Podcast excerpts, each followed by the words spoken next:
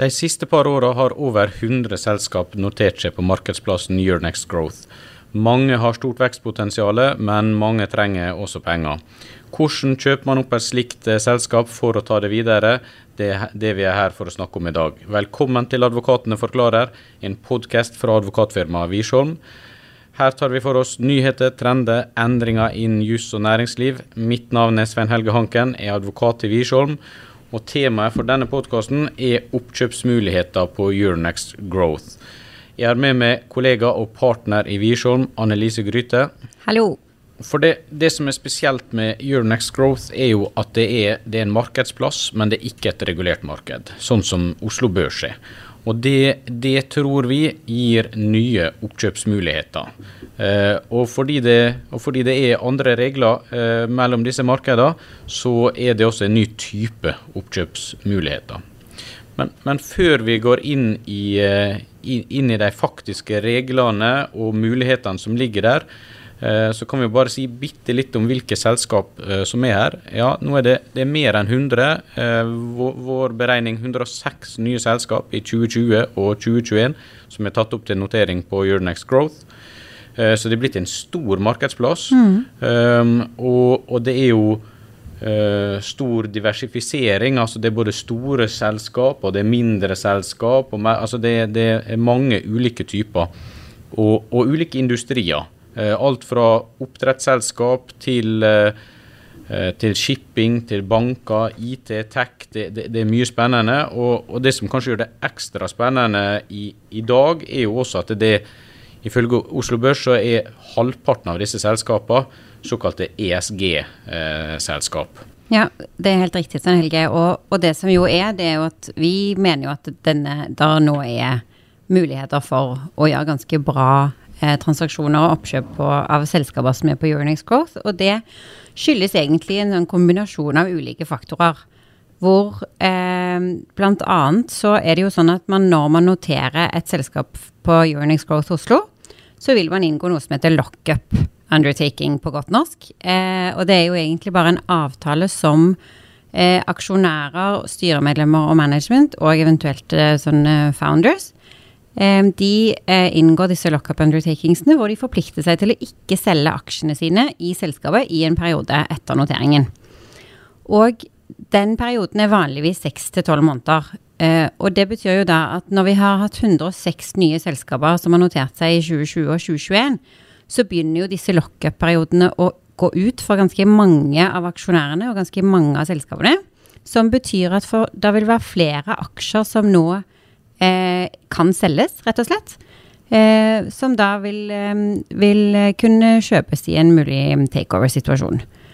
Eh, og så er det jo et annet viktig punkt. Det er jo at eh, disse selskapene som er på Euronex Growth, de er jo helt riktig som du sa, de er jo stor variasjon i modenhet. Eh, ikke bare i bransje og, og verdi, men òg i modenhet. Og det gjør jo at Eh, det er mange vekstselskaper, vekstselskaper som trenger penger, eh, og eh, som da kan være interessert i å få inn en ny, stor eier som kan, eh, som kan være sponsor for den veksten som de behøver. Men, ha, men har dere nettopp fått inn penger? For det var jo litt av eh, vitsen med å liste seg på Euronext Growth, var ja, det er nettopp det nettopp det. Jo, det var jo det. Men så er det jo òg sånn at uh, man, man finansierer jo ikke nødvendigvis veksten sin for evig. Eh, og, og, så er det òg sånn at man i forbindelse med noteringer på eh, eh, Euronex Growth, så må man avgi en erklæring om at man har likviditet som er tilstrekkelig til å dekke selskapet sine planer for de neste tolv månedene. Eh, så det likviditetsbudsjettet det går bare i tolv måneder. Eh, og så er det jo selvfølgelig noen som klarer seg lenger med de pengene de hentet, men eh, det, det, gjør jo òg at perioden, når perioden for det likviditetsbudsjettet nå begynner å gå ut for mange, så Eh, kan det òg være en, en ekstra faktor som gjør at eh, man trenger penger nå.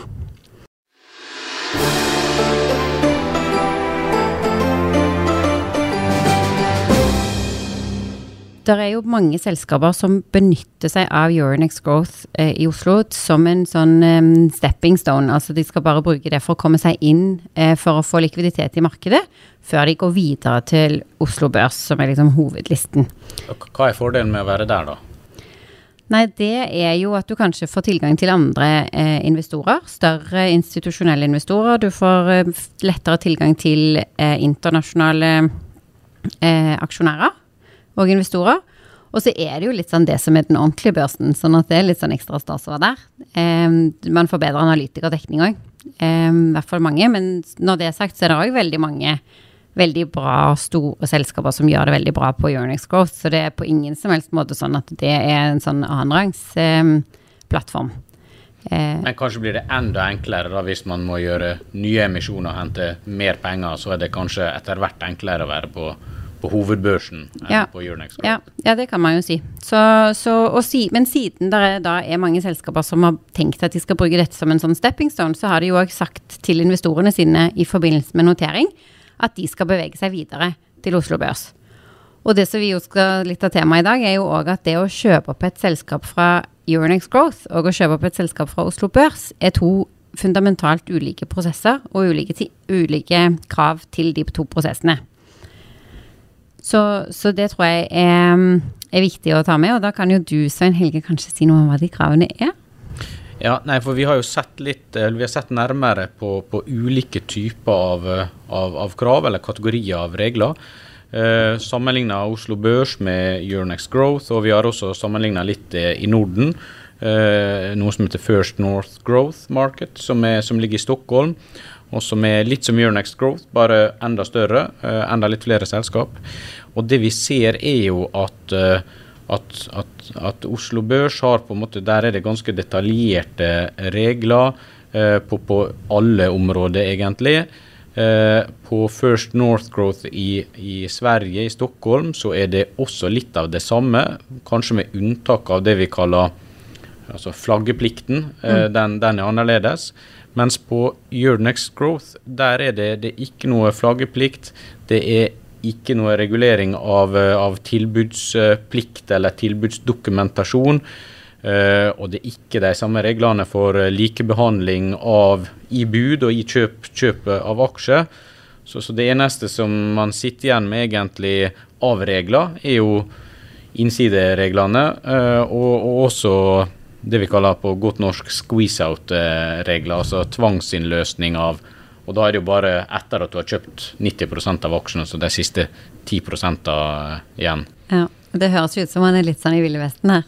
Uh, men, og det men, er man jo. Ja, er man det? Nei, man er jo egentlig ikke Altså, det er jo ikke ment å være en gjennomregulert, en gjennomregulert markedsplass. Men det som kanskje eh, kan utspille seg litt rart for mange som er aksjonærer og investorer på Euronex Growth, det er jo at man kanskje tror at det er de samme reglene som gjelder på Euronex Growth, som gjelder på Oslo Børs.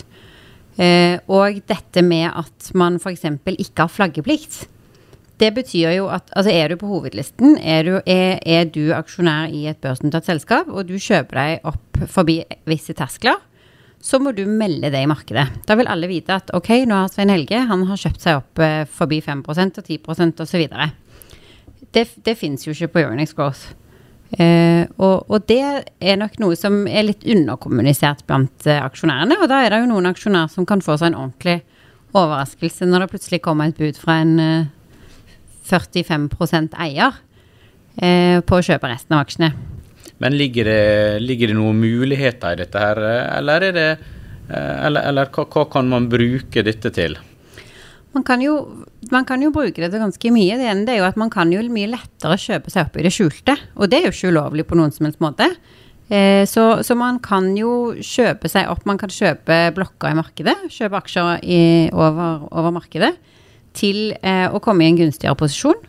Eh, det at man ikke har likebehandling, er jo egentlig kanskje det som har mest å si sånn i forskjellen mellom et kjøp på Oslo Børs eh, og på Euronex Growth. Fordi det at man ikke har krav om likebehandling i et bud, det jo, slår jo rett inn på kursen, eller på tilbudsprisen som man kan kjøpe aksjene for.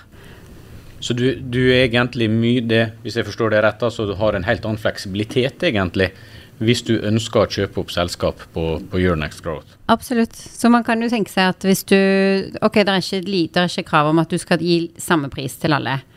Gjør man et uh, oppkjøp av et notert selskap på Oslo Børs, så må du gi den samme tilbudsprisen til alle. Faktisk så må du gi den prisen som du har, den høyeste prisen du har betalt for aksjene de siste seks måneder, er den prisen som man kommer til å ende med å gi. Mens har du Growth, et selskap i Euronex Growth, og det er det du skal eh, kjøpe, så, så finnes det ikke lignende krav. Det betyr at du kan jo inngå forhandlinger med enkeltaksjonærer, større aksjonærer, management kanskje, om å kjøpe deres aksjer til en annen pris enn det du kanskje tilbyr resten for. Så da kan du si at du, legger, du kan legge en kontrollpremie på, eh, på en stor post, da, eh, for å sikre deg den. Og så kan du kanskje gå ut eh, til de resterende 1000 aksjonærene med en lavere kurs. nå er du, du er jo eksperten på, på på det børsregulerte transaksjonene og det er public eh, transactions. Mens jeg jobber jo mye mer med med private transaksjoner, altså ting som ikke er notert på markedsplasser. Og, og, men, men, for meg så høres jo dette ut som om Det høres jo nesten ut som en, en vanlig transaksjon utenfor børs. Det, kan man si at det, det er litt mer som, som vanlig transaksjonsarbeid? Ja, det kan man jo i hvert fall i forhold til fleksibiliteten som man har i forhandlingene. Eh, og så tror jeg jo det er, er, jo et par vesentlige forskjeller. Det ene det er jo at du har jo det er jo sjelden du har en M&A-deal med mange hundre, kanskje mange tusen aksjonærer.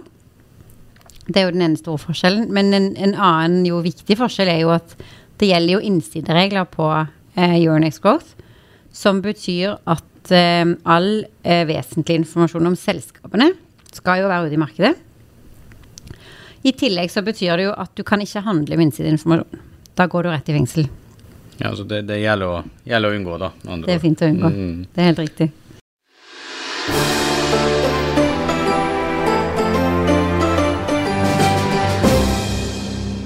Hva tror du vil, vil det fortsette? Vi, hadde jo vi sammenligna jo litt her med, med, Sverige, ikke sant, som var tilsvarende marked, men mye mer regulering.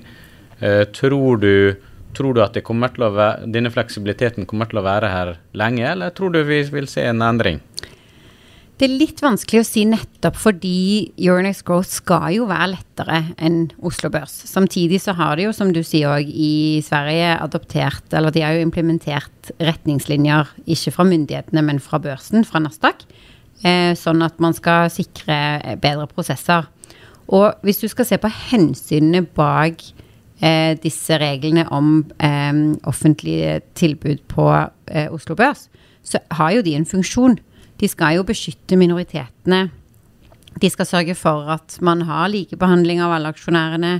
Og de skal sørge for tillit i markedet og transparens. Så, så de, de, tjener absolutt eh, et formål. Og eh, jeg, tror det, jeg, tror det, vil eh, bero på om man får prosesser etter hvert som er ganske ryddige. At man legger seg på en sånn public takeover light-variant eh, når man skal kjøpe et selskap, eller om det kommer noen ordentlig grisete transaksjoner. Jeg tror rett og slett det er det det vil komme litt an på. Det, ligger, det, ligger, det er litt opp til aktørene rett og slett, ja, hvor, hvor, dette her beveger seg. Jeg tror det. Og, men så er det jo kanskje her er det jo mange som, både av de som er aktuelle oppkjøpere her, eh, har jo antagelig allerede aksjer også. Så det er jo kanskje litt sånn det som er positivt på den ene sida og gir mulighetsrom, er utfordringer på den andre sida også. Ja, absolutt. Du kan jo tenke deg selv hvis du sitter med en 30 %-post, og så viser det seg at noen har inngått masse avtaler uten deg, og så havner du i den store bolken sammen med de som får lavere kurs. Det er jo ikke noen gøy situasjon å havne i. Så ja, man skal være litt eh, Det blir nok litt eh, Man skal passe seg for å ikke bli sittende igjen alene. Ja. Um, men for å, for å, oppsummere litt, da, så, så, forstår jeg vel litt sånn at ja, det er noen utfordringer her, men, men hvis du har hvis du er obs på deg, og hvis du har gode rådgivere, sånn som, sånn som du, Annelise, eh, så, så, er det vel ikke noe tvil i at her er det et stort handlingsrom og masse muligheter. Ikke bare for, eh, for å selge aksjer og hente penger, sånn som det har vært de siste åra, men også, eh, også, for å finne nye investeringsmuligheter eh, fremover. Det syns jeg er en veldig god oppsummering, Svein Helge. Takk for det. Og takk for at du hørte på Advokatene forklarer. Husk å abonnere på podkasten for å få med deg de kommende episodene. Vi høres.